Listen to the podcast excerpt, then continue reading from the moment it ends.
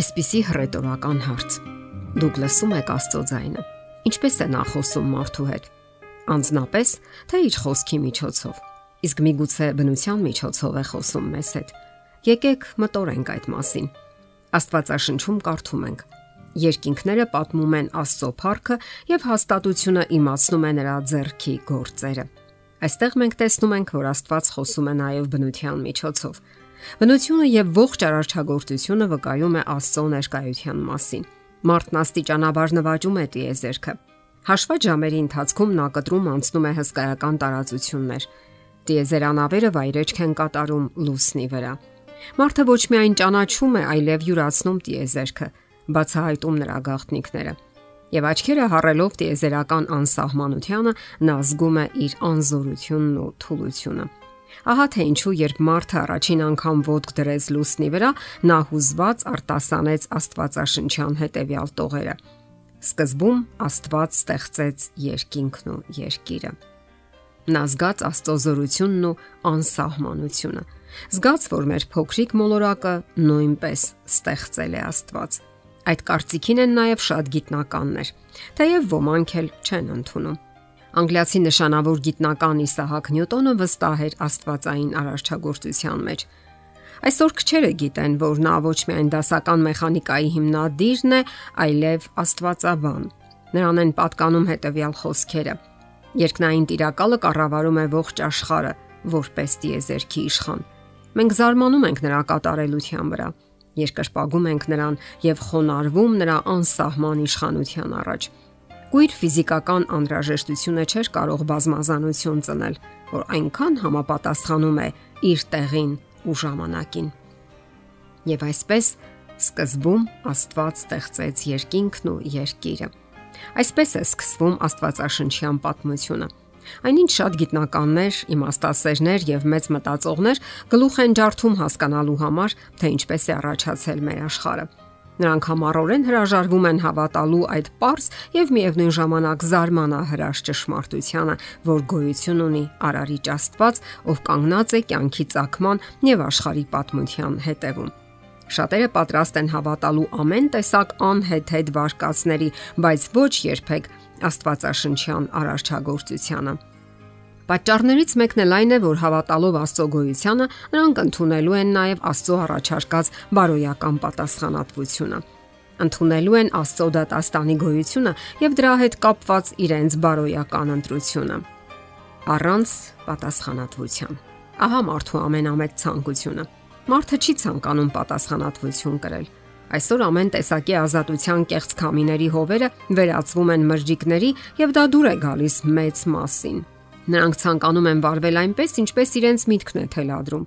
Նրանք պատրաստ են հավատալու նույնիսկ այն բանին, որ ստեղծվել են տիեզերական փոշուց, միայն թե խուսափեն պատասխանատվությունից եւ սпасվելիք դատաստանից։ Սակայն Աստծո խոսքը հստակ է ասում, որ մի օր բոլորս կանգնելու ենք Աստծո դատաստանի առաջ։ Մարդիկ չեն ցանկանում ընդունել նաև Քրիստոսի զոհաբերությունը հանուն աշխարում երբևէ ապրած յուրաքանչյուր մարդու։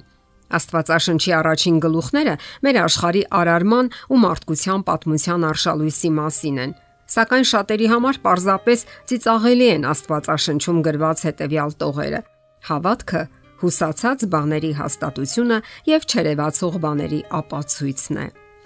Աստված բավականին անհերքելի ապացույցներ է տվել այն մասին, որ ինքն է արարել գոյություն ունեցող ամեն ինչը։ Տիեզերքը, որ աշխատում է գերազանց ճշգրտությամբ եւ առանց չնչին իսկ խաթարման, բնությունն ու կենթանական աշխարհը։ Երկնքում թևածում են մեծ քանակի թրջուններ, որոնք անհամեմատ ավելի լավ են պատրաստված թռիչքի համար, քան ամենաժամանակակից ինքնաթիռներն ու ռմբակոծիչները։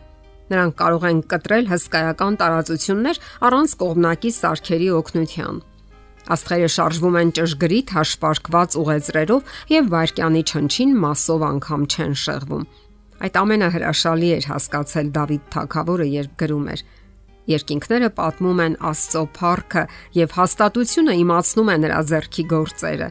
Օրը օրին խոսք է բխում եւ գիշերը գիշերին գիտություն է ցույց տալիս։ Մտորելով Աստվածային արարչագործության մասին, հնարավոր չէ անտեսել այն փաստը, թե որքան ներդաշնակ է արարված ամեն ինչ եւ որքան ներդաշնակ է կառավարվում այն։ Այո, վստահաբար կարող ենք ասել, որ գոյություն ունի արարիչ։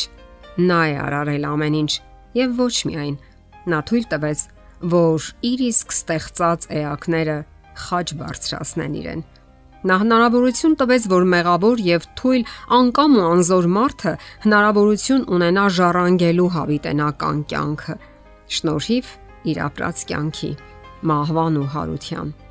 Նա ապրեց, որpիսի մենք էլ ապրենք։ Նա մահացավ եւ հարություն առավ, որpիսի մենք էլ մահից հետո կարողանանք հարություն առնել։ Եթե մենք ընդունում ենք այդ թանկագին զոհաբերությունը, ապրում նրա ապրած սուրբ կյանքով, ուրեմն ունենք այդ հնարավորությունը։ Մի անտեսեք Աստվածային արարչագործությունը։ Ճանաչեք Աստծո ձայնը նաև բնության մեջ։ Համոզիչ են թե բնության ներդաշնակ ու հիասքանչ ձայները, թե գիտության համոզիչ փաստերը։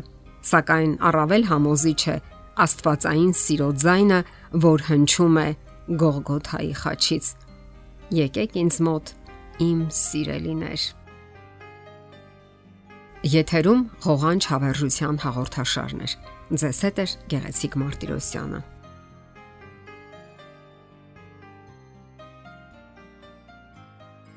Հարցերի եւ առաջարկությունների համար զանգահարել 033 87 87 87 հեռախոսահամարով։